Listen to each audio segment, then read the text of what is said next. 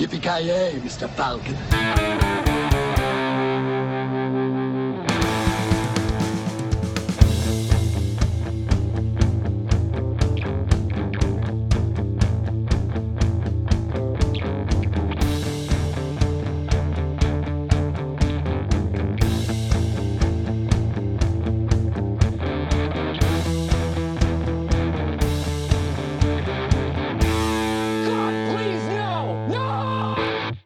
Tjena kära lyssnare! Välkomna till ännu ett avsnitt av Creative Meltdown Podcast. Mitt namn är Joakim Granström och med mig från det mörka kalla helvetet som kallas Luleå har jag Joakim Avoya. Hur står det till? Kaffekoppen i högsta hugg hör jag. Ja, jag nitar och det är läder och jag, jag bestämde mig för att stoppa nålar i ansiktet. Jag vet inte, det är någon ny slags akupunktur jag börjar med. Det lät jävligt nice alltså. Är det något nytt påfund eller är det någonting du har drömt om länge? Kanske gått och funderat på att pierca det eller vad är det som händer? Jag fick inspiration av en, av en viss, vad heter det, Doug Bradley, en polare till mig. Som gillar att klä sig i läder och stoppa nålar i ansiktet. Så ja, jag tänkte, tänkte jag provar det. Ja, man måste ju inspireras av de bästa, så är det ju. Ja, fy fan. Det, är rikt, det funkar bra också. Jag mår Nice. bättre, bättre än någonsin. Har du eh, utvidgat gränserna från ansiktet eller är det, håller du nålarna dit eller stoppar du dem på andra ställen också? Jag har dem på ställen som, jag, ja, if I told you I would have to kill you så att säga. Okej, Så det, sådana kan jag in, det kan jag inte avslöja. Där solen aldrig skiner kan man säga. Där har du nålar, det var eh, Ja. intensivt. Mm, jag är jävligt seriös. Och med mig har vi ju även Kent från civilisationens pärla, Piteå. Har du några nålar i det? Eh, nej. Däremot har jag snubblat över en liten eh, puzzlebox. Åh fy fasiken, det var inte illa. Har du lyckats öppna den? Nej, nej jag har, jag har inte det. Men eh, jag, jag köpte den på eh, Lek och Hobby, klassiska butiken i småstaden. Och eh, enda instruktionerna som fanns var att eh, We have some such sites to show you så att säga. Så det låter Jävlar. lovande. Very nice, very nice. Man tycker ju om att eh, få ett positivt meddelande när man ska börja med ett pussel. Ja, det lät fan... Ja. Ja, men kä- känner jag min IQ rätt så lär jag aldrig lösa den här. Så vi, vi får väl se. Känner jag din IQ rätt så har du förmodligen rätt där. Du lär aldrig lösa den. oj, oj, oj, vilken burn. Det Sick börjas burn. redan. Ja, ja, ja. Fy fan. Hårda ord fy fan. redan från början. Fy fan vad elakt. Ja, för fasken alltså. Det, det är hårt. Ja. Men vi, vi är som eh, cenobiterna alltså. Vi, vi eh, tycker om eh, smärta och att jävlas med folk helt enkelt. Det är det vi är här för. Ja, det är ju, de, som, bara, är de, ka- de kallar ju det för pleasure. Det är ju samma sak här. Precis, precis. Och eh, vi har ju samlats eh, denna vackra dag för att snacka om Hellraiser Bloodline från 1996. Den fjärde delen i eh, Hellraiser filmserien. Gentlemen, I am pain. Baserad på eh, The Hellbound Heart av Clive Barker som även regisserade den första filmen. Och eh, det här är ju andra delen, mellandelen i vår trilogi om skräck i rymden. Fast det visade sig efter att vi hade sett filmen att den kanske inte riktigt utspelades så pass mycket i rymden som vi trodde att det skulle göras, eller vad säger ni? Ja, det var. Nej, det var skräck i Renaissance Times eller någonting. Jag vet inte. Ja, ja, det var ju inte väldigt mycket. Vi fortsätter där med att också hoppa rad mitt in i franchise, så vi är helt lost igen. Leprechaun det snackade vi om för, förra veckan. Helt lost. Sam, samma här, fy fan, helt lost. Fattar ingenting. Alltså, det, det känns ju som att den här filmen kommer jag ta lite mer om, lite mer trivia och sådana grejer om filmen. Men den hade definitivt en eh, strulig produktion som ledde till en slutgiltig film som kanske inte motsvarade förväntningarna varken filmskaparna eller publiken om man säger så. Och verkligen inte det som regissören ville visa i slutändan. Alltså, det är lite... Å ena sidan, när man ser filmen kan man ju förstå det. Å andra sidan så skulle man tro att med tanke på hur många filmer som Alan Smith har regisserat och med tanke på den genomgående kvaliteten av dem så skulle man inte bli förvånad över att den här filmen är så dålig. Ja, Nej. han har gjort Alan, jävla Alan. Smith är ju en av mina husgudar. Han är en jävla regissör. Ja, Ja men alltså, det, det är lite grann så att man vet vad man får när man ser det namnet. ja, Han, Ja. är, han är lite som, han är som vad heter Takashi Miike eller Nicolas Cage, han gör jävligt mycket filmer. Ja, precis. Det är det som jag pratade om tidigare i så här videobutiker. Bästa filmvalet, lite så är det. Är stamp of approval alltså. Alan's, Alan Smithy Production. Fan. Alltså det, vi har ju vi har pratat lite om Alan Smithy förut men tänk vad rent hypotes om det kommer en regissör som hette Alan Smithy på riktigt. Vad fan skulle han göra om han ville så här, disowna en film? Jag, jag funderar på det. Jag, jag, ja. Ja men då, då får han göra som Paul W.S. Anderson. Han får lägga till W.S. i mitten. Så Alan W.S. Smithy. Ja, precis. Ja, precis. Ja, det är bra Ja, men ska, ska vi dra Alan Smith i historien direkt? Ja, det, det, Ja, berätta. Ja, du kan ju dra den Kent. Eh, ja men eh, Alan Smith det är ju ett eh, pseudonym. Alltså när en regissör har gjort en film och så vi säger att studion kliver in och eh, ändrar om allting. Så att regissören känner att man inte kan stå för filmen. Eh, då får man ju lämna in någon slags ansökan om att få, få filmen Alan Smithifierad eller vad man ska kalla det. Mm. Så att man, om vi säger att eh, Joakim Avoya har regisserat Hellraiser 2 och han lämnar in en sån, då försvinner hans namn och då står det istället regissör Alan Smithy. Eh, och hans namn raderas från eh, produktionen och eh, IMDB i synnerhet. Nej men det är därför jag älskar mig att kolla igenom så här IMDB-listan och om man inte vet vad storyn, vad Alan Smith innebär så tänker man vad jävlar den här regissören har legat i. Han har Takashi Miike-klass liksom och bara kvalitet rakt igenom. Ja, Nicky, Nicky Cage och Takashi Miike. Några av de mest eh, kända filmerna som har blivit Alan Smithifierat det måste ändå vara Hellraiser Bloodline. Eh, Ja, ja det tror- kan jag tänka. Det är en, en hyfsat stort namn. Alan Smith i filmer brukar ju oftast vara så här lite mindre så filmer som man typ aldrig har hört talas om. Hellraiser är ändå hyfsat stort. Ja men så är det ju. Det, det finns ja, Hellraiser har ju definitivt en viss eh, kultstatus om man säger så. Mm. Som gör att även om... Alltså jag säger något, Ja. jag säger något jävligt sjukt nu, jag måste bara säga det här. Pilotavsnittet av MacGyver TV-serien är Alan Smithy. What? Ja, fy fan. Ja fan det, det var ju 10 av 10 det. Ja, Tuggummi, stoppar atombomber och grejer. Alltså, fan. ja. Bygger en handgranat av ett par sockar och fan hans moster. Alltså man, man, man måste vara jävligt missnöjd om man tar bort sitt namn från en tv-serie. Fan det är ju ingen som kommer ihåg någon som regisserar en tv-serie. Nej, precis. MacGyver är ju kung. Ja, ja, ja. 10 av 10. Men vi kan väl ta och kasta oss in lite grann i Hellraiser. We have such sights to show you. Och bara ta en väldigt, väldigt kort eh, bakgrund där. Alltså som sagt eh, baserat, ursprungligen baserat på boken The Hellbound Heart av Clive Barker. Han regisserade också den eh, första filmen och skrev den dessutom. Och eh, om man ser hela Hellraiser-mytologin eh, centrerar ju runt en eh, pussellåda som kallas eh, Lament Configuration. Och eh, i boken kallas de Le Marchand Configuration. Men det är ett, eh, en låda som är ett pussel och när pusslet öppnas så öppnar den, eller när pusslet löses så öppnar det en portal till en helvetes eh, dimension befolkad av eh, The Cenobites som då är de här eh, Eh, BDSM eh, tortyrsnubbarna där, hel, där eh, Pinhead då är ledarna, ledaren om man säger så. Och eh, Hellraiser, eller Pinhead själv beskriver ju Xenobites som Explorers in the furthest regions of experience. Demons to some, angels to others. Alltså, och det, det är ju... Även om filmerna har glidit bort från det där, alltså handlar det ju... Det som skiljer Hellraiser lite grann från typiska slashers så är ju just det här att Pinhead och Xenobites är ju inte nödvändigtvis onda i ursprungsmytologin i alla fall. Utan de kommer när de blir kallade på. Och de liksom, de dödar inte bara randos som man säger så. Utan de, de har ett syfte med att vara där. Men det de gör är väl, de tycker väl typ att de är goda eller snälla mot det de gör för de tycker att de ger dem pleasures eller vad fan det pratas om typ. De tycker såhär bring you pleasures och bla bla så de tycker bara fan vi är ju good guys here.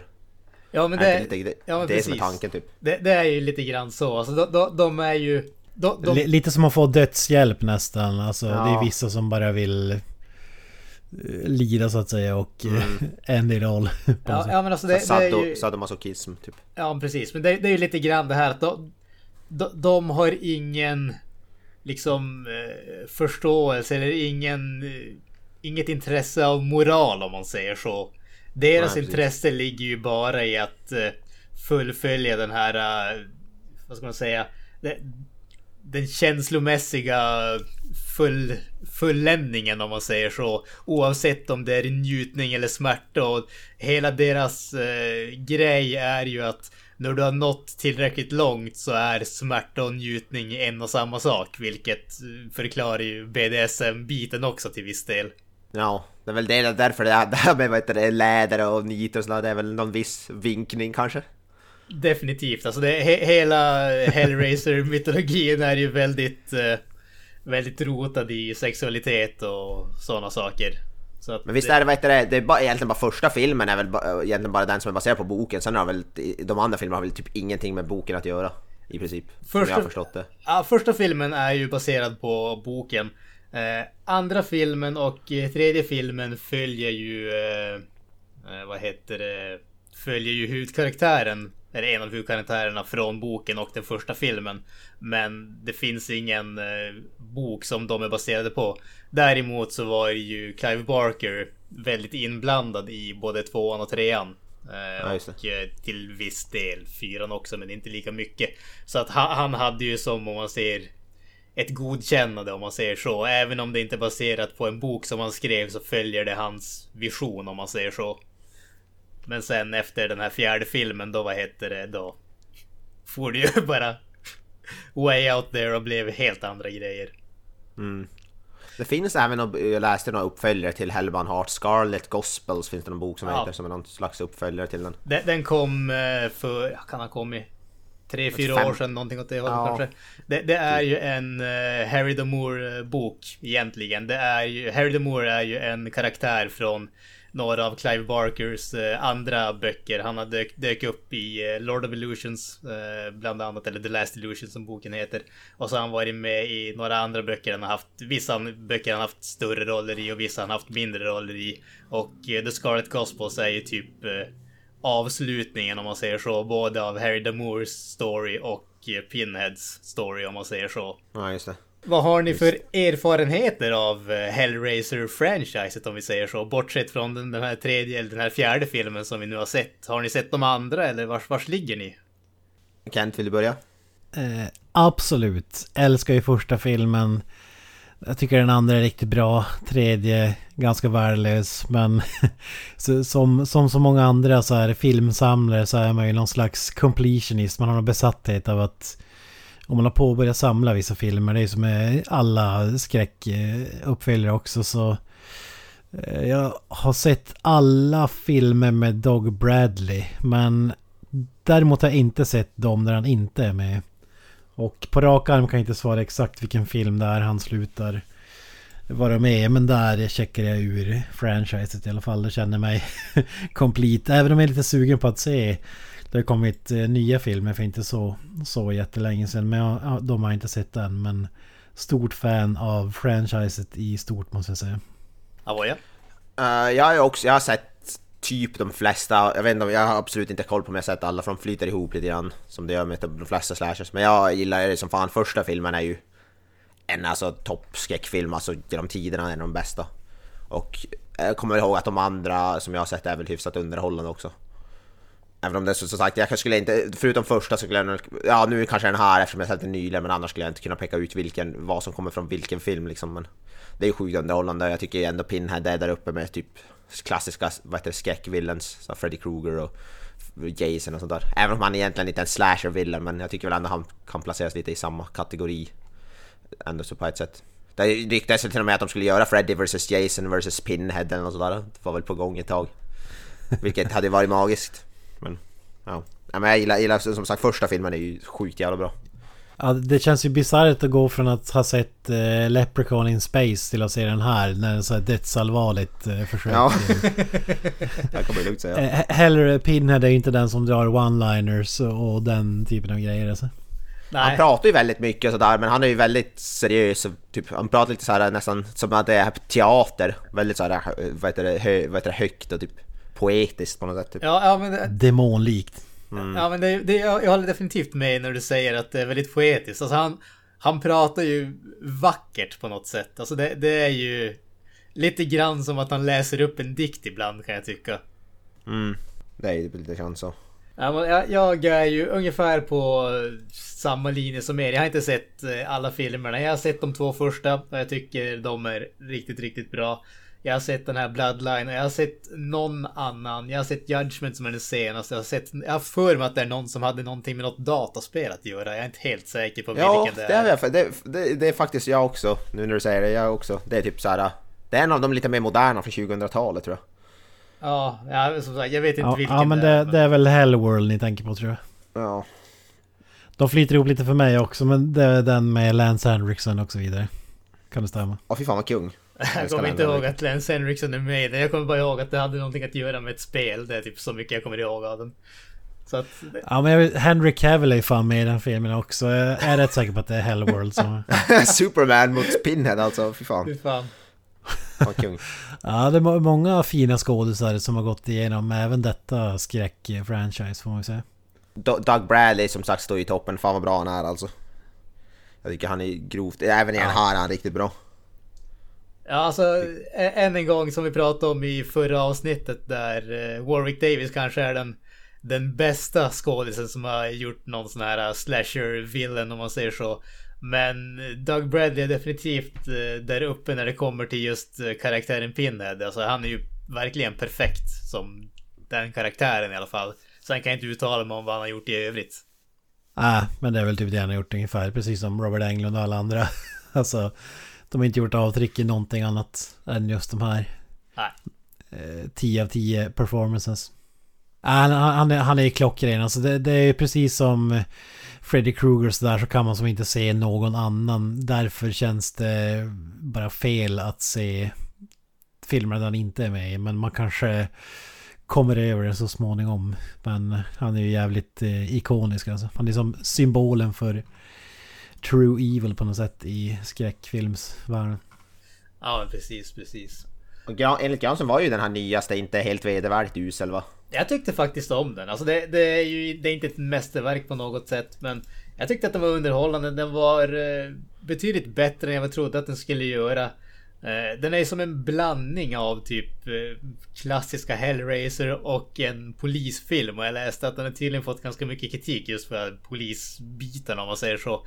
Men jag uppskattar faktiskt den biten. Jag tycker att det, det gör att det känns lite annorlunda, lite nytt. Trots att det ändå är gjort med en låg budget. Den var oväntat snygg tyckte jag också. Även om det inte är liksom de fläskigaste effekterna eller någonting sånt där. Så rent estetiskt tycker jag att de har lyckats med den. Så jag tycker absolut att den är sevärd. Sen ska man inte förvänta sig något mästerverk eller någonting sånt. Hur, hur var ny, den här uh, Hellraiser, eller vad heter Pinhead? Som Eh. inte är Doug Bradley. Jag kommer inte ihåg att jag hade något större problem med den i alla fall. Att, eh, men jag kan inte heller säga att det registrerar så mycket. Jag satt och försökte tänka på liksom hur såg Pinhead ut i den där filmen egentligen. Jag kommer liksom inte riktigt ihåg hur han såg ut. Så att det, det bästa jag kan säga är väl att det lämnar inget större avtryck. Men det var då inte så dåligt så jag hatar det i alla fall. Kanske inte med så mycket ens i filmen då. Om, om du inte ens kommer ihåg honom. Nej, nej, det, det är ju betydligt mer eh, polisbitar än skräckbitar om man säger så. Ja just. Ja, jag är lite sugen på efter att ha sett eh, trailern där.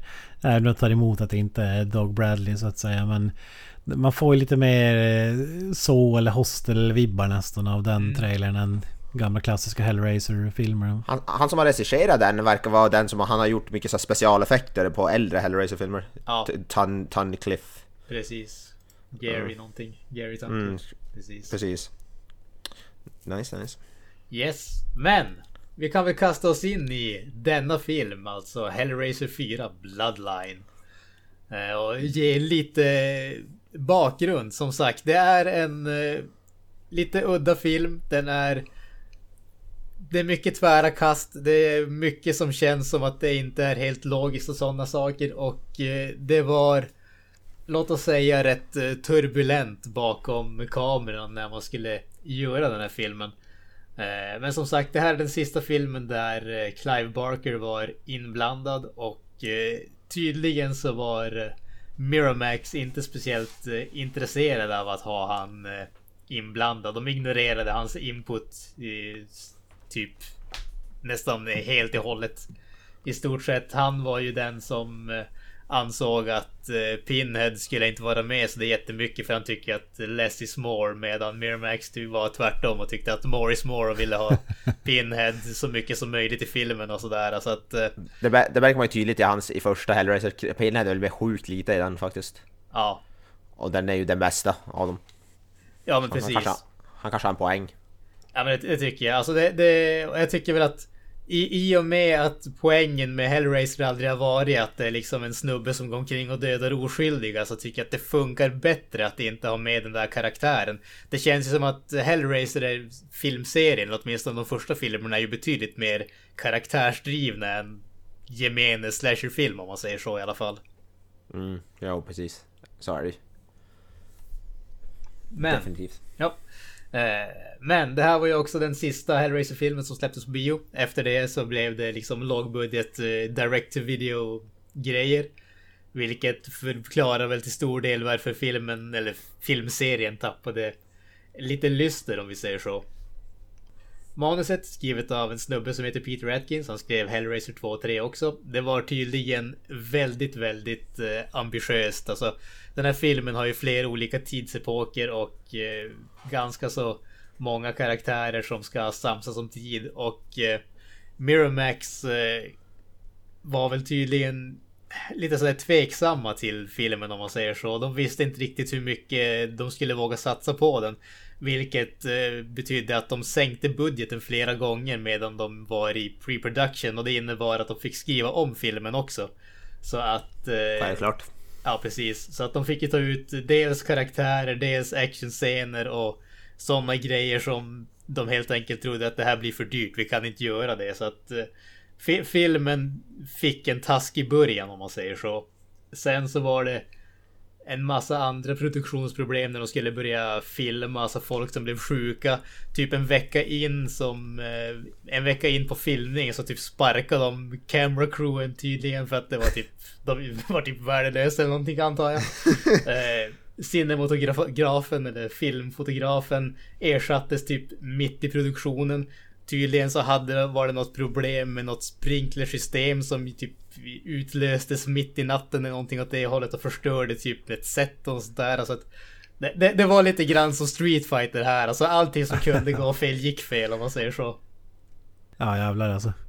Ja, alltså det, det, det, var en uh, troubled time som vi säger så. Och vi har ju snackat om uh, Alan Smithy som uh, regissör, men regissören egentligen var ju Kevin Jaeger. En uh, effektsnubbe som var bland annat varit inblandad i uh, Nightmare on Elm Street och uh, Chucky-filmerna. Eh, Och han fick, eh, han fick tydligen jobbet i stort sett därför att han var bra på att hålla nere kostnaderna. Han hade aldrig regisserat någonting. Han hade regisserat två avsnitt av Twilight Zone tror jag att det var innan det här. Det var det enda. Han har inte regisserat någonting efteråt heller. Och, ändå har han varit klass nog att ta bort sitt namn från sin första stora film. Jag tycker man ska vara så excited. Vad fan, min, oavsett vad, det blir film. Då, då är han fan, det är status tycker jag. Ja men precis. Det, det, Kudos. det, det, det säger väl någonting om hur, eh, hur missnöjd han var. Eh, Ja, jag men, tänka mig det. Ja precis. Men, men det här jag, jag ska ju- bara säga, Ja. det, det var inte Twilight Zone, det var Tales from the Crypt. Ännu mer eh, kvalitativ. Ä- eh, Ännu, ännu mer Ja, lågbudget. Jävlar. Det är hö- det, ja, nu pratar vi kvalitet. Ja, lite Leprechaun-stuk på den får man säga. Ja, Ja, Han hade ju börjat sina scratch shops i alla fall. ja, ja. Ja, ja, ja, Han, han visste var han hörde hemma så att säga. ja, ja. Men här har vi ju också en av de här intressanta grejerna alltså. Eh, därför att eh, Kevin Jagers första version av filmen var ju 110 minuter lång. Och eh, Miramax tyckte inte alls om den. Alltså det, de hade ju signat av på vad heter det, manuset. De visste vad som skulle komma. Men när de väl fick se filmen så liksom då, då vad heter det? Då, då var det här liksom inte alls vad de trodde att de skulle få av någon anledning. Någon okänd anledning skulle jag vilja säga med tanke på att som sagt de hade ju ändå läst manuset och allting sånt. Men bland annat så var det just det här att de tyckte att Pinhead var med alldeles för lite och han dök upp alldeles för sent i filmen. Och eh, de krävde ju att liksom fan, vi behöver reshoots, rejäla reshoots och eh, det var ju då som den här uh, Jaeger lämnade projektet helt enkelt. Han, han sa väl att det var typ en blandning mellan creative differences och typ uh, utbrändhet i stort sett. Men uh, ja, jag, skulle väl misstänka att det var att han hade gjort en film som han var nöjd med och de vill, ville inte ha den. Så att en snubbe som hette Joe Chappelle som regisserade Halloween 6. Avoyas favoritfilm. Ja, för fan. Det är jag tror det är Curse of Michael Myers om det är sexan. Ja, precis. Oh, Den, den här med Paul Rudd. Som, de går in i mytologin och gör vad heter, det, Michael Myers så övernaturligt jävla baby av någon kult människor. Ja, några jävla druider eller någonting. Ja. Djävulsdyrkare som har styrt honom hela... Jag tror bokstavligt att det är druider faktiskt om jag kommer ihåg rätt. Fy fan, ma magisk film alltså. Ja. Fy fan vad kung. Ja, den är 10 av 10. Ja, ja. Ja, han, den snubben Joe Chappelle, han var tydligen eh, studions eh, ursprungsval att regissera den här filmen. Men han hade tackat nej efter att han var... De hade tydligen haft mycket strul med inspelningen av Halloween 6. Så han kände att han var inte redo att eh, ta sig an ett eh, nytt projekt med en gång. Men eh, efter att Jaeger hade hoppat av så lyckades de få han att regissera reshootsen då. Och enligt Doug Bradley så normalt sett när det är reshoots så då gör man ju scener som, alltså, scener som behöver förlängas och ändras liksom för att få allting att flyta bättre och fungera bättre. Men enligt Doug Bradley så var allting som man gjorde under de här reshootsen helt nya scener. Så att det var inte reshoots i vanlig bemärkelse om man säger så. Eh, sen så var det ju Joe Chappelle som anställde klipparen eh, Randolph Bricker. Och det var han som gjorde den, om man säger slutgiltiga klippningen av filmen som var som är, som är 85 minuter lång. Så att eh, som sagt ursprungsversionen som Kevin Jaeger hade 110 minuter. Slutversionen 85 minuter. Så att eh, ja, tagit bort nästan Ja, det- en halvtimme. Det, det, det förklarades ganska mycket skulle jag vilja säga i och med att filmen inte känns riktigt helt sammanhängande. Ja, den är fruktansvärda tempo så här, problem tycker jag också. Den är ju, för det första, den känns ju väldigt, den är ju sjukt kort, alltså den är nästan för kort. De Absolut. försöker, tyck, de försöker tycka in alldeles för mycket i en alldeles för kort film. Det, är, ju- det här är ju för fan typ en som en längre kortfilm i mina ögon snarare än nå- någonting. Även om det är skönt med korta filmer ibland också men... Ja, alltså misstaget att det är en prequel och en sequel i samma film och det är ju aldrig bra tycker jag. Ja.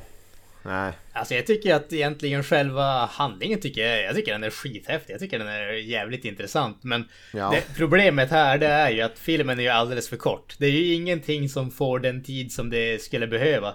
Och det var ju tydligen när, vad heter det, den här Kevin Jaeger när han såg den här kortare klippningen. Det var då som han eh, bestämde sig för att nu vill jag inte vara associerad med den här filmen längre. Han sa tydligen att den var knappt igenkännlig från, eh, från hans film. Ja, det kan jag tänka mig. Jag hade verkligen velat se den versionen faktiskt heller. Om jag ska vara helt ärlig. Han ska ju tydligen, det, det, det här är lite småintressant faktiskt. Dels så ska ju Kevin Jaeger tydligen enligt egen utsago faktiskt ha sin egen klippning på något format eh, hemma. Eh, men vill jag ju aldrig få se den. Men sen ska det tydligen finnas en, en workprint. Eh, som ska finnas på internet. Jag sökte efter den, jag lyckades inte hitta den så jag kunde ladda ner den och se den. Men det ska tydligen finnas en workprint som är gjord innan, vad heter det, innan eh, den slutgiltiga klippningen var gjord men med vissa av ändringarna som eh, Miramax, vad heter det, ville ha. Och eh, jag, ser, jag, jag lyckades inte hitta den versionen, jag lyckades hitta några recensioner av den och alla de var åtminstone ense om att det var en mycket, mycket bättre film än vad eh, den slutgiltiga Ja. filmen var. Sen så skrev de väl också att det, det var inte något mästerverk för det, den sakens skull, men att det hade kunnat vara en eh, helt, dels en helt annan kvalitet på filmen och kanske liksom en annan eh, kvalitet på vad som kom efteråt när det var, kom till Hellraiser-franchiset om man säger så. Verkar vara ganska överens om. Vi får se om vi som med vad heter Justice League, vi får en Jaeger cut av Hellraiser på HBO. Release the Jager cut. Ja, för fan. ja, Jaeger cut, Hellraiser Bloodline. Ska jag köpa billboard? Ska jag köpa i i Luleå, cent- Luleå i centrum? Den skulle vara jävligt grym. Men, ska vi ta och ge oss in i filmen? Ska vi kanske ta, ska jag försöka dra den här filmen på tre minuter? Ja, det, det här blir intressant. Ska jag tajma den här gången eller? Eh, Ska vi inte ta rollistan först eller? Ja, Jag ska ta rollistan först. Okej, det kan vi göra. Vi kan ta rollistan innan. Det är ju inte en film som är direkt fylld med stora namn. Det är absolut, eh, jag vill inte säga det största namnet, men det, det mest välkända i alla fall, det är ju som sagt Doug Bradley. Han, han är ju en eh, franchise staple som Pinhead. Vad har han varit med i? Sju eller åtta filmer tror jag. Ja, exakt. Ja, ja men Doug Bradley är ju en eh, legend så, att- så att säga. Ja, precis. Så det, som sagt, han, han är ju på samma nivå som eh, Robert Englund och, och så vidare. Ja, Så att, eh, Ken Hodder. ja, precis. Precis. Bortsett från han så måste jag väl säga att typ den enda som man har hört talas om är ju Adam Scott. Som... eh, Adam Scott är ju, han är ju ändå ett känt namn nu. Han är ju ett ganska känt namn ändå. Parks and Rec är ju hyfsat stor serie. Ja, men Step precis. Brothers. Ja, komediskådespelare. Men det finns ju ett tyng, det tyngsta namnet i den här. Det är ju Kim Myers. Känd... Night, Nightmare on Elm Street 2. Lisa Webber från Nightmare on Elm Street 2. Karaktären Ja, med ja. den sämst fungerande gaydar i världshistorien. Ja. ja, ja, det var fan magiskt. Jag blev fan, jag blev fan glad alltså. Ja, ja fan vad underbart. Och så nu när vi nyligen har sett den så blev jag så jävla glad när jag såg den i den här. Det, Ja. det lyfte hela filmen alltså. Tycker hon är helt okej. Alltså, hon är ju inte någon superskådis, men jag tycker inte hon förstör henne så mycket i alla fall. Men hon, inte för det är bra betyg och förstår Ja. inte så mycket. hon förstör ju inte så mycket. Nej men Ja, jag, jag tycker, ja det var roligt. Som, ja precis. Alla som går och lyssnar på vårt Elf Street 2 avsnitt pratar vi, men ja. Fy fan. Ja. Där är vi en magisk film alltså. Ja men det, det var ju, det trodde man ju faktiskt inte att hon skulle hitta en heterosexuell man. Eh, så- Nej Nej, precis, hon verkar ju dra oss till. Tog blir hon alltså- tydligen med i The Pretender, kameleonten. Oh. ja det är, det är mäktigt. Ja just det, hon är morsan till eh, huvudrollsinnehavaren i Ja. Kameleonten, TV3-klassikern.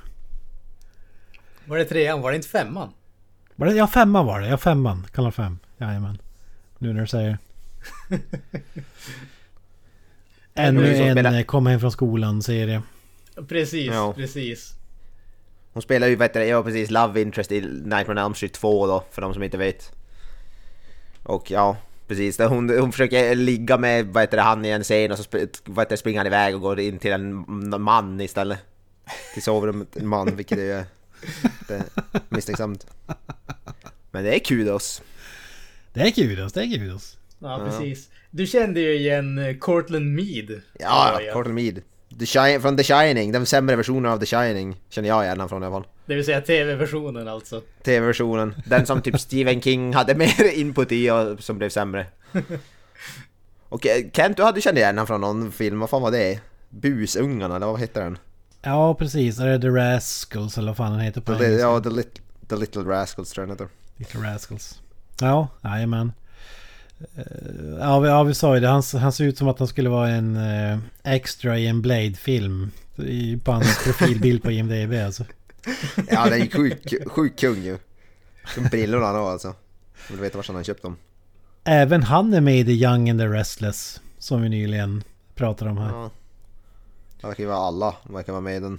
Leprechaun in Space, uh, Elm Street 2. Det finns kopplingar till uh, allting alltså. Det, en sak som var sjuk med den här filmen, jag var säker på att jag såg Jake Busey i en av soldatrollerna. Jag bara fan, kolla det är Jake Busey! Så jag gick in och kom. fan han är inte med i listan. Jag var fan säker på att det var han, men det var det var inte, det var bara någon som såg jävligt lik Jake Busey. Och nu försöker jag kolla igenom listan, jag vet inte ens knappt vem det är, men fan, jag var 100% säker på att det var Jake Busey. Men det var det inte. Alltså det, han är ju svår att ta miste på. Han sticker ut så in i helvete alltså. Ja, men jag tror det är en av soldaterna. Jag, nu vet jag inte om det är en hash nu, men Pat Skipper. Men det var någon i alla fall som, som såg ut, i alla fall i en så här, det är en vinkel bara så fan det är Jake Busey, fan vad coolt. Det är ju Sex Machine från, den dåliga Sex Machine. Från, Ja, det är från också Dusk Till Dawn. TV-versionen av Sex Machine. Ja, precis. Och ja, liftar. Men det, han han fan inte med i den här filmen. Det var bara jag som såg i syne. Det var ju en besvikelse. Jag blev ju excited när jag trodde att det var Jake Busey, men ja. ja. Vi har väl inte så mycket, det är väl de namn, vi har tagit upp de största namnen nu i filmen tror jag. Men han Pat Skipper där har ju faktiskt varit med i Rob Zombie Halloween-filmen. Åh fy fan, jävlar för kvalitet. Ja, det, det är väl det som är värt att säga om rollistan. I övrigt är det... No Rätt names. anonyma. Ja, Ja, man gillar ju... Det är de, jävla, de är väl tvillingar på riktigt va? Security Ja. Guardsen. Jimmy Ja. Schulke och Da- David Schulke. Kudos till dem. ja för fan, de blir, de blir en jävligt cool Cenobite i alla fall. Ja. Tycker jag. Senare i filmen. Fy fan alltså. Undrar om det, det måste ha varit så att de hade... Det var två tvillingar som kom till castingen och så skapade de kar, karaktärer åt dem. Det kan ju inte vara så att de skannade Hollywood efter tvillingar och eh, skulle klämma in dem i den här rollen liksom. De kanske hade en Cenobite som de bara, vad fan vi måste hitta tvillingar till den. I och för sig det behövs ju inte, för Cenobiten behöver man ju inte tvillingar i och för sig. För det syns ju inte när de sitter ihop att det är tvillingar direkt. Nej, jag vet inte. Alltså separerar de ju sen så att de blir ju liksom två separata. Så att, Ja, det är ju sånt. så att på så sätt så hade det väl inte behövts. Men däremot så är de ju, de är ju två av de coolare Cenobitesen tycker jag. Designmässigt. Ja, ja, ja, de är ju sjukt coola. Det är ju inget fel på alls. Visuella biten som sagt är ju Nej. bra. Påminner mycket om eh, Junji Itos eh, Spiral. Ja just det, ja. Jag har sett, jag har inte läst det men jag har sett, ja precis. Ja, då är det dags för den stora utmaningen Granström. Du ska berätta handlingen i Hellraiser Bloodline på tre minuter. Ja, alltså det, det här blir ju en... eh, En upplevelse om vi säger så. Jag, kan säga att det, det tog en stund att skriva ner det här. Jag skrev, jag fick korta av, jag skrev, jag fick korta av. Så att jag, jag har tajmat det, så jag bör klara av det. Fan det är ju fusk, man ska ju köra improviserat helt, det är det som är det roliga. Improviserat helt. Ja, det hade gjort det jävligt bra med den här. Äh, nu, nu vill vi ha tre minuter, varken mer eller mindre. Jag sitter redo här med tid över ut. Tre, två, ett, go. Rymdstationen Minus, år 2127. Dr. Paul Merchant är ensam där.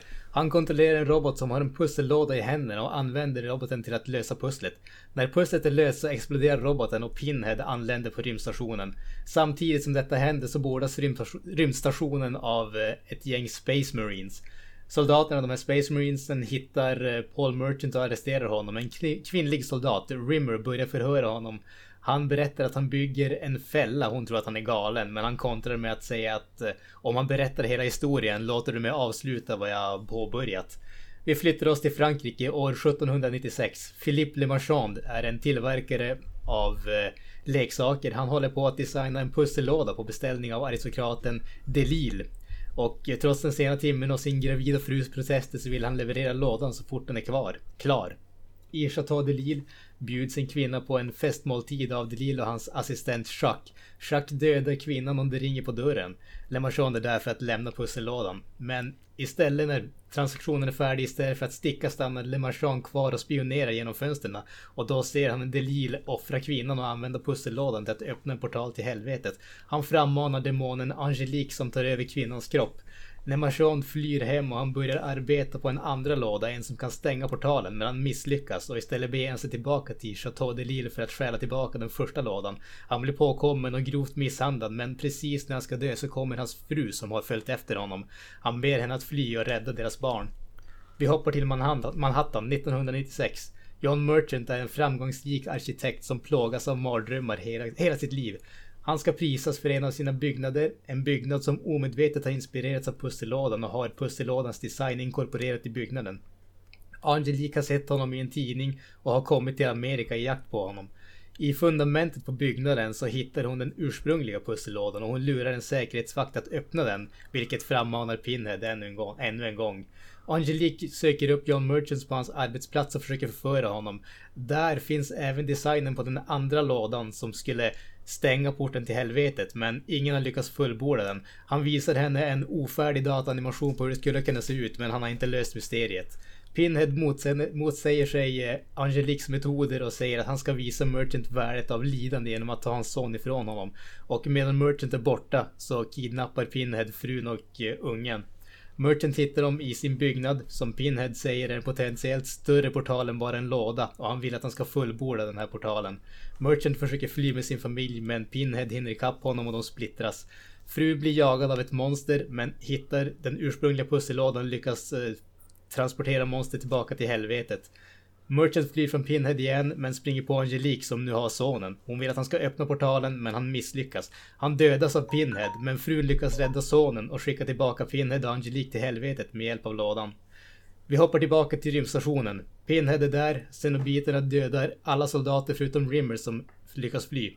Vi får en avslutande konversation mellan Pinhead och Dr. Merchant, men plötsligt försvinner Dr. Merchant och det visar sig att Pinhead har pratat med ett hologram. Den riktiga Dr. Merchant är på en rymdskyttel tillsammans med Rimmer. Han aktiverar sin fälla och vi får då veta att hela rymdstationen är en gigantisk kub. Den här andra designen fullbordad i slutgiltig form. Pinhead dödas och portalen till helvetet är stängd för alltid. Boom baby! Ja, 3.37 fick jag på Jävlar. min. Ja, det där är pep till där. Då hade det gått tre minuter. Okej. Aj, aj, aj, aj, aj. Fan, Aj. jag skulle ha pratat snabbare. Jag vet inte om det är möjligt alltså. Alltså jag, jag kan ju säga att jag var, jag var nere på, vad heter det, jag var nere på 2 minuter och 40 sekunder men det gick inte att höra vad jag sa. Det, det, det här har blivit någon jävla sån här eh, Eminem 8 mile rap battle.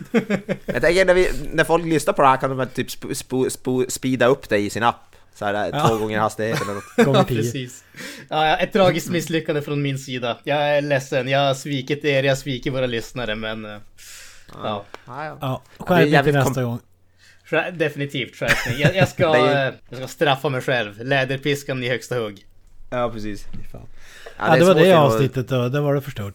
Ja, det är ingen mening att fortsätta efter det här. Ja.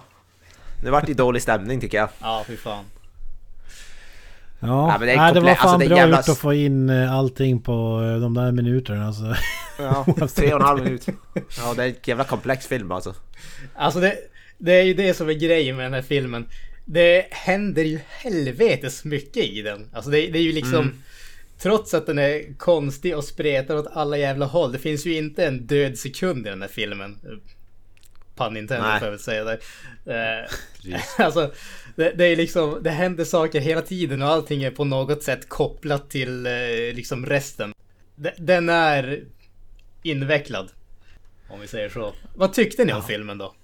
Ja, alltså jag, jag känner mig som ett eh, barn som blir rånat på julafton när vi inleder In Space och det är de som rycker min julklapp ur eh, fingrarna på mig och skickar mig tillbaka till, eh, ja vad fan det nu är, 1700-talet eller vad? 1796.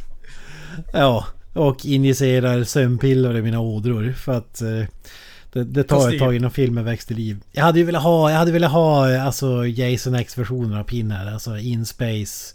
Hela jävla filmen, det hade den tjänat på i min värld. Men det här är ju inte Elm Street eller Fredagen den 13 och så vidare. Den här är ju mer seriös. Så det var därför man försökte göra en seriös film. Men jag kan tänka mig att delarna in space är det som är tillagt i efterhand. Utan att eh, veta så, så känns det lite så. Så in space-delen är med hela vägen. Även eh, i slutet. Men... Eh, och nutid köper jag också. Men det, det är de här gamla bitarna som jag... Ja, faller bort lite. Så be, besviken på det måste jag säga. Alltså det, det, det här är ju i stort sett tvärtom från dig. Alltså absolut, jag hade älskat Pinhead in Space hela filmen. Men jag, jag tycker ju att det, det och den moderna biten är nästan den minst intressanta. Jag tycker ju om... Eh, jag tycker om 1700-talsbiten. Jag tycker om den riktigt jäkla mycket alltså. Om man bortser från att de snackar extremt amerikansk engelska när det ska vara i Frankrike. Men det är smällar man får ta. Men jag, jag tycker jag älskar utseendet på det. Det känns jävligt påkostat. Jag älskar den här, uh, vad ska man säga, middagsscenen slash uh, dödsscenen slash uh, helvetet öppnar sig scenen om man säger så. Alltså hela den biten tycker jag är grymt välgjort. Ver- Verkligen. Tyckte verkligen, verkligen Mm. mycket om det. Ja, man Ja, alltså- hamnar väl i gränslandet där. Om man vill säga en schlockfest eller en genuint bra film. Och, ja. Det, det är väl där vägen. Kan inte mer åt slockhållet. Ja men li, lite mer Leprechaun in Space hade ju den här filmen tjänat på helt klart. Nej, jag, jag, tycker det här är ett bra, ett bra exempel. Jag har sagt det förr, jag säger det igen. Vi behöver inte veta eh, storyn bakom. Det är mer eh, spooky eller skrämmande och mystiskt om vi inte får någon förklaring. Bara att den här pusselboxen är magisk och jag står mig på att man kallar den som skapar den här pusselboxen för Toymaker. Det, det känns som så här. Eh, vi pratade om barnfilmsversionen i förra avsnittet av eh, att Leprechaun är det och det här känns som så här. Eh, Ah, Pinhead blev helt plötsligt inte lika badass så fort man yttrade den frasen. Och de säger ju ordet Toymaker ta mig fan 20 gånger i den här filmen. ja, ja, jag håller väl med där jag också. Jag, jag, tyckte, jag tyckte det var en del cool visuella grejer men det är ju inte en bra film direkt kan jag väl inte påstå.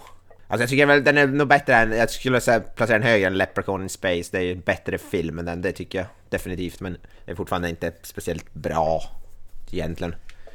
Den är bra som bra, några bra effekter, så här praktiska som är jävligt snygga och så visuellt och Doug Bradley, alltid topp men den är så jävla hoppig och snurrig och jag, jag zonade, den hoppade så mycket, jag zonade ut och så förstod jag. Sen så när jag vaknade till så bara vad fan händer, var är vi? Det var lite, det var lite så. Det är som att jag skulle behöva se om filmen för att, för att fatta vad som hände men ja, det, det, det är inte en speciellt bra film tyvärr. Den lever ju inte upp till Hellraiser, alltså Typ placera den mot första Hellraiser, det är som att placera, jag vet fan vet jag Kattmat äh. mot Donken, Donken är ju... Nej, den där första filmen är överlägsen allt annat. Men den är överlägsen de flesta i skräckväg också tycker jag i alla fall. Mm. Den är ju ja. sjukt jävla välgjord. Men jag, jag, tycker också det blir lite... Det här som ni säger att regissören ville dra ner på pinnen. Jag tror man hade tjänat på det också. Här ska han stå och hålla massa dialog som inte är eh, de här diktdelarna och, och, han ska se liksom förvånad ut när han blir utsatt till en fälla och han är typ stendum, går på de enklaste jävla grejerna.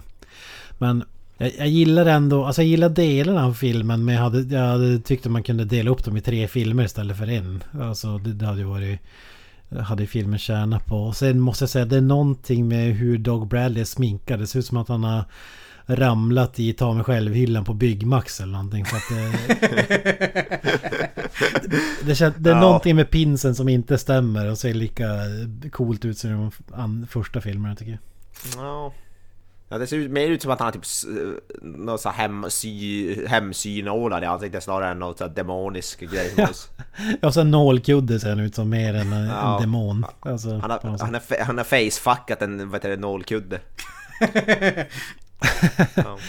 Men det, det, är det som är så... Det, det, där krä, det där måste jag spotta on. Som i första filmen. Det är fantastiskt. Eh, coolt, mäktigt, eh, skrämmande och allt det där. Men alltså...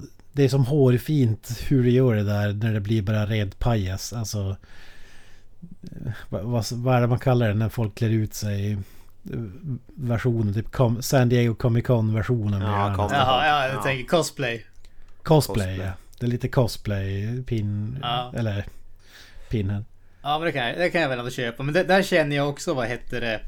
Alltså just det här att han är med så mycket att vi ser så extremt mycket av han. Det, det förtar ju mystiken tycker jag. Jag tycker alltså min favoritbit med... Det finns egentligen två bitar som jag tycker jävligt mycket om med Pinhead. Eh, och en av dem det är ju den här i slutet när, båda grejerna egentligen i slutet när eh, John Merchant försöker fly från honom och han kommer till den där lilla korridoren om man säger så. Och så ser man bara Pinhead som en liten figur i liksom slutet av den. Och så sen när ljuset släcks och vi får liksom hans siluett och det där. Det, det är ju liksom den biten där Pinhead ser absolut coolast ut i hela filmen. För han är ändå, han är så pass liten så att man, man ser inte riktigt detaljerna men han är ändå liksom så här. Eh, man, man ser precis så mycket som man behöver se för att han ska se liksom skräckinjagande ut om man säger så. Mm. Ja. Det, det, det, är ju liksom höjdpunkten med, för hans del i filmen. Sen så älskar jag bara repliken när eh, John Merchant säger, säger att han liksom har tillbaka sin familj for God's sake och Pinhead bara säger Do I look like someone who cares what God thinks? For God's sake. Do I look like someone who cares what God thinks? Ja. Jävla badass. Ja, han har, han har några sådana alltså det är inte såhär one-liners men ändå som några sådana där ja, I don't give a shit typ. Shut Ja, the jag fuck är- up eh, Jag, jag, repliker. ja, Ja. jag gör som jag vill lite grann. Fy fan, ja. Ja. Nej, badass. Doug Bradley alltså. Han måste ju vara någon sån här, han måste ju vara någon klassiskt tränad skådis. Det känns som att han är det. Precis som Robert Englund, teaterskådespelare. Ska ärligt vara- säga att jag har faktiskt ingen aning. Det, det jag vet om honom det är att han var ju tydligen, vad heter det? Han var ju tydligen väldigt involverad med Clive Barker, alltså redan som, eh, som ung. De var tydligen med i Mm. något sånt där eh, typ skådespeleri kompanier, vad fasken de ska kalla det. Men eh, Doug Bradley Ja, de var väl typ klasskamrater eller någonting. Ja, precis. Så att, eh, men Doug Bradley fokuserade mer på skådespeleriet och Clive Barker mer på skrivandet så att säga. Men de, de går tydligen jävligt långt tillbaka de två. Som sagt, har inte så bra koll på Dog Bradley förutom att han är magisk i Pinhead-rollen och var klasspolare med, med Clive Barker så kan, kan väl gå vidare. Ja, precis.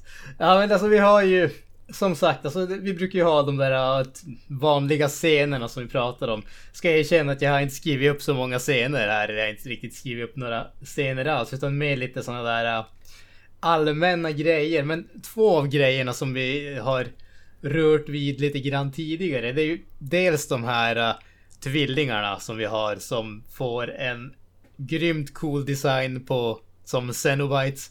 Och dels har vi Angelique, den här demonen som sedan dyker upp alldeles i slutet av filmen tillsammans med Pinhead på rymdstationen och har en, en, en, i min mening, en design som fan i mig är lika bra som Pinheads alltså. Jag tycker den är så sjukt bra där hon har Huvudet är liksom skalperat om man säger så och huden är liksom neddragen och fäst i axlarna som man ser eh, vad heter det, skallen under. Jag vet inte, jag, jag tyckte bara att det var så jävla grymt coolt alltså. Jag vet inte vad ni tyckte om det. Nej men, nej, men den- är cool men det har, ju- det har ju varit någon liknande. Jag vet inte om de ska föreställa samma figur. Det var så länge sedan jag såg filmerna nu men det finns någon liknande karaktär. Jag tror skillnaden är det här på axlarna som du säger. Men i övrigt tror jag att den ser eh, hyfsat... Eh, att den är hyfsat lik i alla fall. Men eh, jag ska inte svära på det. Men eh, no- nog är den cool. Den här... Eh, det finns ju filmer där det finns betydligt eh, mindre häftiga eh, Xenobites eller demoner som, som dyker upp om man säger så. CD, monstret, Ja, CD, fy fan. Det- Den, eh, kung. den Om skulle det ha är Maiden, är det Maiden? ritbordet. Tror du det är Maiden-skivor han har instoppat i fejan eller? Vad tror du det är? Cradle of Filth Ja. förmodligen. Ja, så bra smak har de nog inte. Nej, nog, nog tror att det är Hulkoff han har stoppat i ansiktet. Det tror jag. Ja, ja, det vet fan om de har så bra smak heller alltså. Fan, de, de är inte värdiga att ha Hulkoff i fejan. CD-skivs-eran, jag tror att det är E-Type han har proppat sig. Ja, nu snackar vi Ace kvalitet. of Base. Nej men det finns ju ingenting med... De, de, vad fan, det, det är lite som den här potatissäcken över huvudet på Jason Voorhees. Alltså... Vad fan ska vi hitta på? Vi har stoppat nålar i ansiktet på någon. Vad är nästa steg? Jo, vi stoppar CD-skivor i facet på honom. Det, så Ja, det, det är inte knivar eller det är inte så här rakblad. Det är CD-skivor ska det vara. Ja. Li- lite lätt eh, av sin tid om man säger så. Om det ändå hade varit vinylskivor eller någonting respektabelt. så- En stor jävla vinylskiva i fejan. Ja. Det, det, det börjar med att de stack rakt upp men när vi får se han så ligger eh, vinylskivorna bara platt mot för det är för varmt i helvetet så de smälter. Varför inte köra en, ett steg längre? Ta typ så här en iP- iPod-spelare eller någonting. Inte fan vet jag. Ja, vad hade han haft idag? Han hade ju bara en iPhone, iPhone. i facet. Ja. iPod, ja precis. Har, eller så hade han varit täckt av USB-utgångar och sådär, laddutgångar. Ja precis. Men Så det är att han också passé. high tech.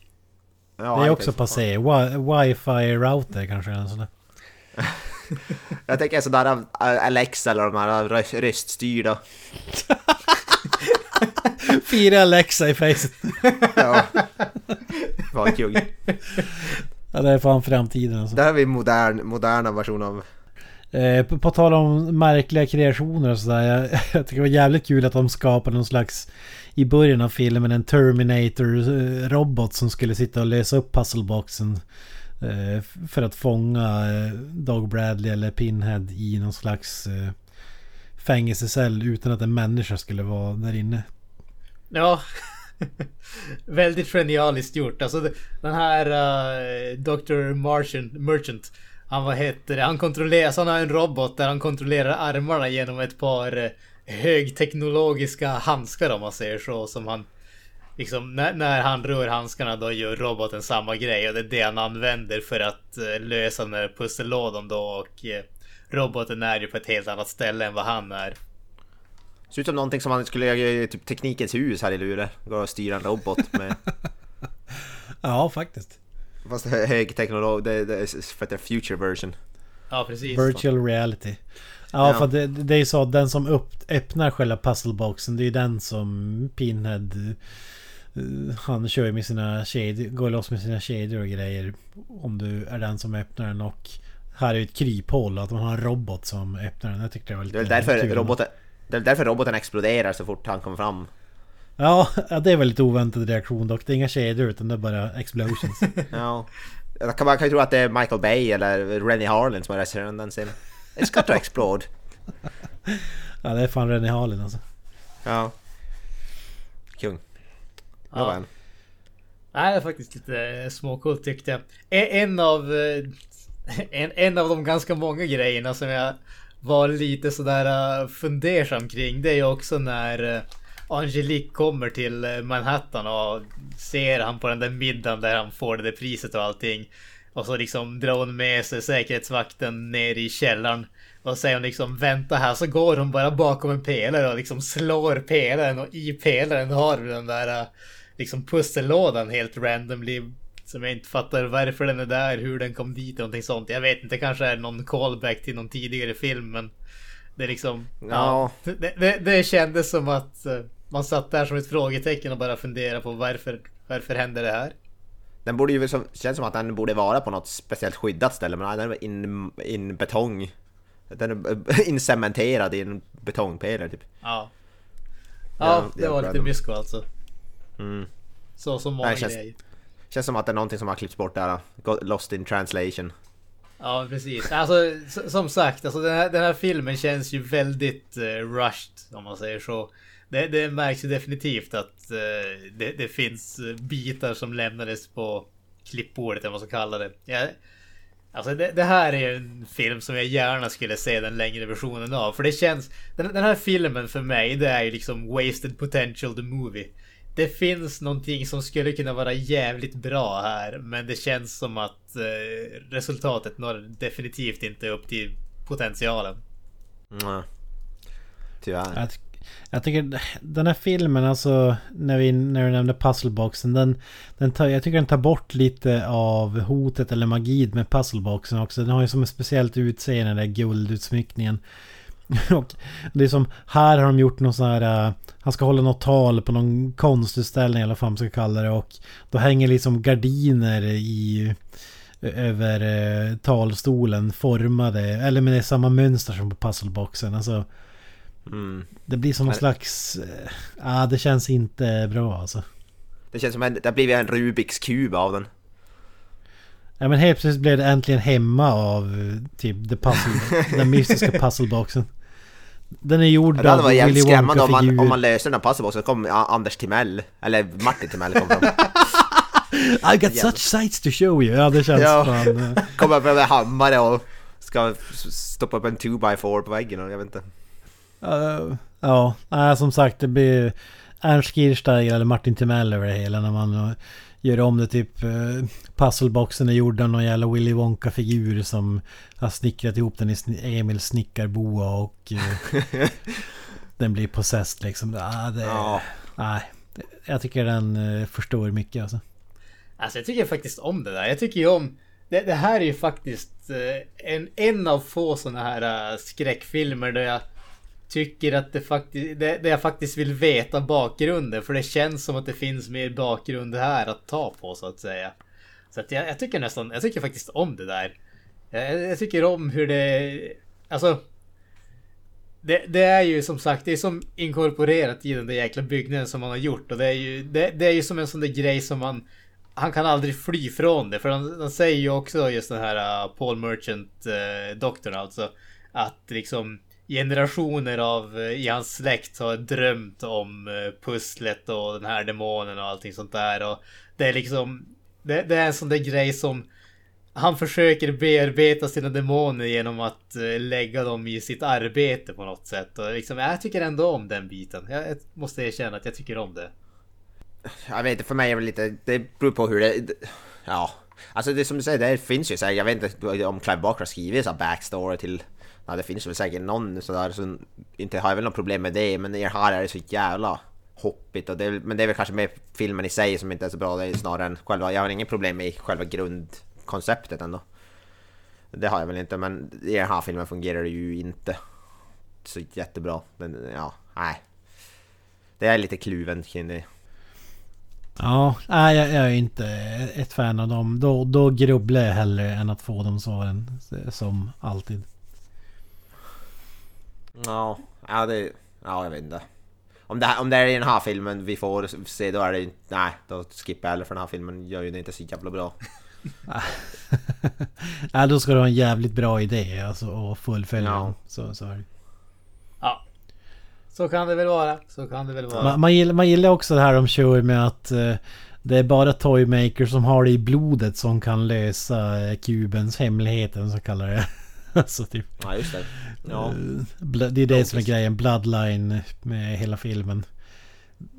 Det, det är väl intressant på sitt sätt men det känns så jävla absurt. Alltså typ... eh, Ja men skaparen av Playstation. eh, Det är bara hans eh, sons son som kan skapa Playstation 5 för att han har det i blodet. Ingen annan har det.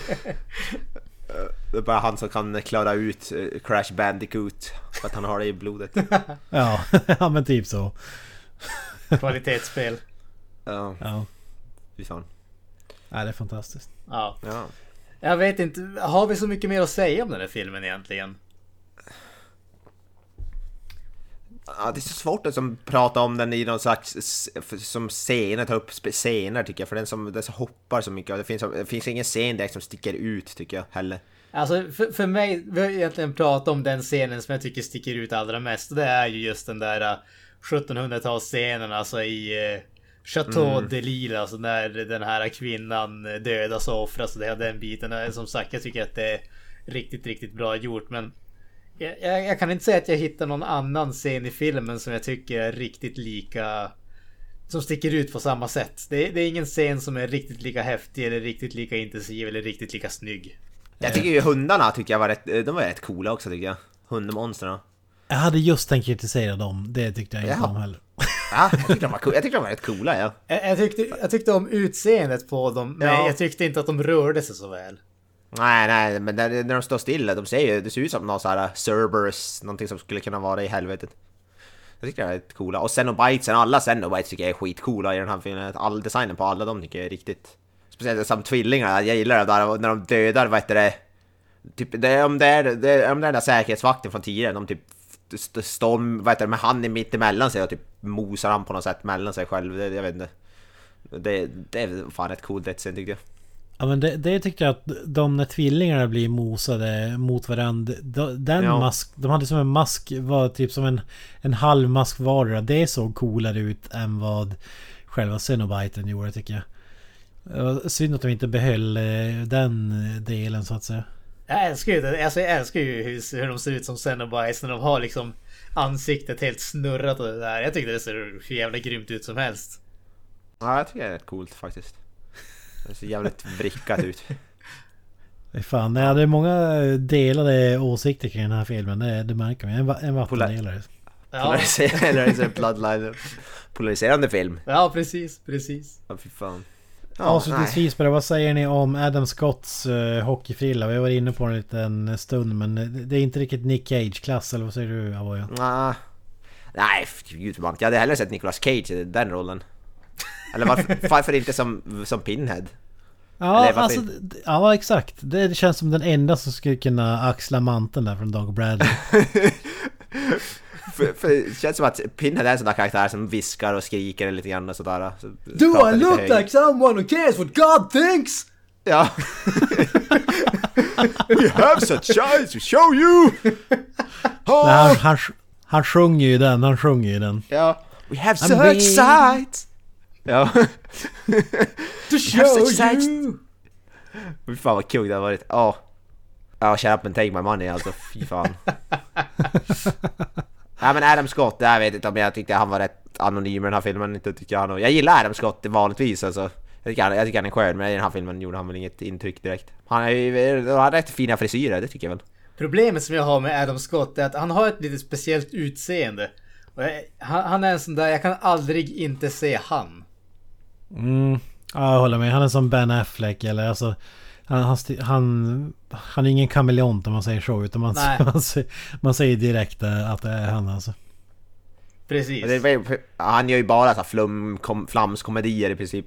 Alltså han är, det här är ju den enda icke-komedi som man... Och för sig, han gjorde en film som heter Krampus som är typ någon sån här skräckkomediaktigt. Det är väl typ det närmaste man kommer.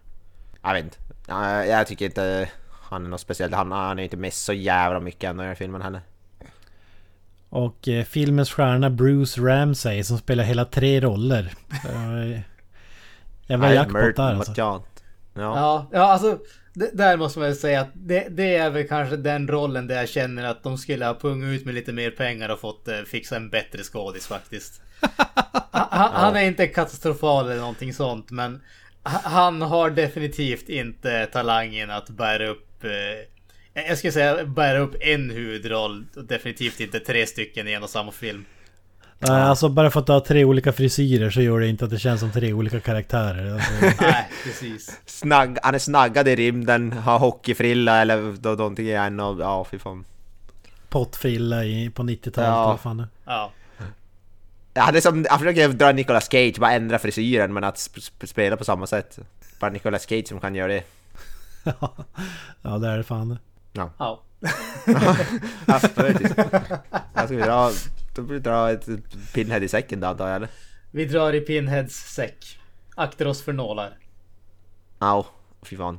Ja men med det så tackar vi för detta avsnittet. Som vanligt så hittar ni oss på alla olika plattformar. Facebook, Instagram med mera.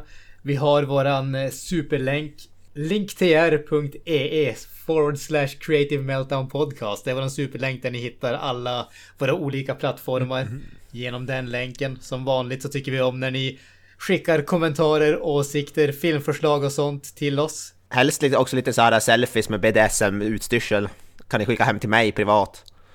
Absolut. Kent, Ta- är det någonting som du önskar från våra lyssnare? Eh, nej, jag klarar mig utan det. Jag klarar mig utan det faktiskt.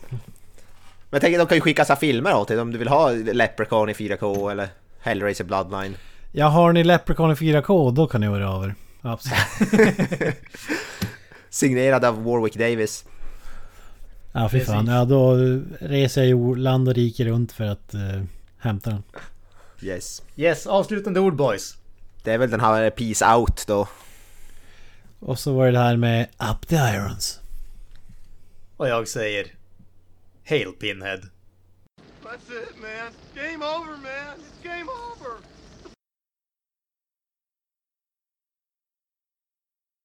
Sådär. Så bara gå och hämta mer, ka- mer, ka- mer kaffe så jag överlever. Åh fy fan. Alltså hur jävla mycket kaffe dricker du egentligen?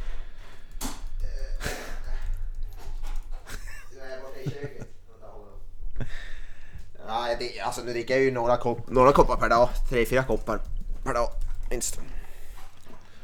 Men jag dricker ju såna här ganska små koppar nu. Det här är såna här, äh, inte stora kaffe, det här är typ mer... Inte riktigt espresso men typ lite större än espresso. Shots.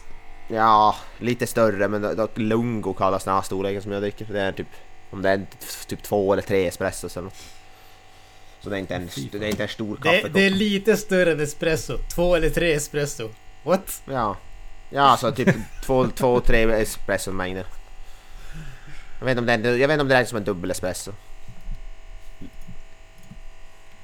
Ska kolla. Lungo kallas det. Långkaffe. Dubbelt så mycket vatten som vanlig esp- espresso. Ja, lu- 100 ml en lungo. Espresso är 40. Dubbelt så utspätt. Men espresso är alldeles för liten. Lungo. Det finns fan en, en storlek mindre än espresso också. Vilket är ganska sjukt eftersom espresso är jävligt, redan är jävligt lite. Vad fan är det för storlek?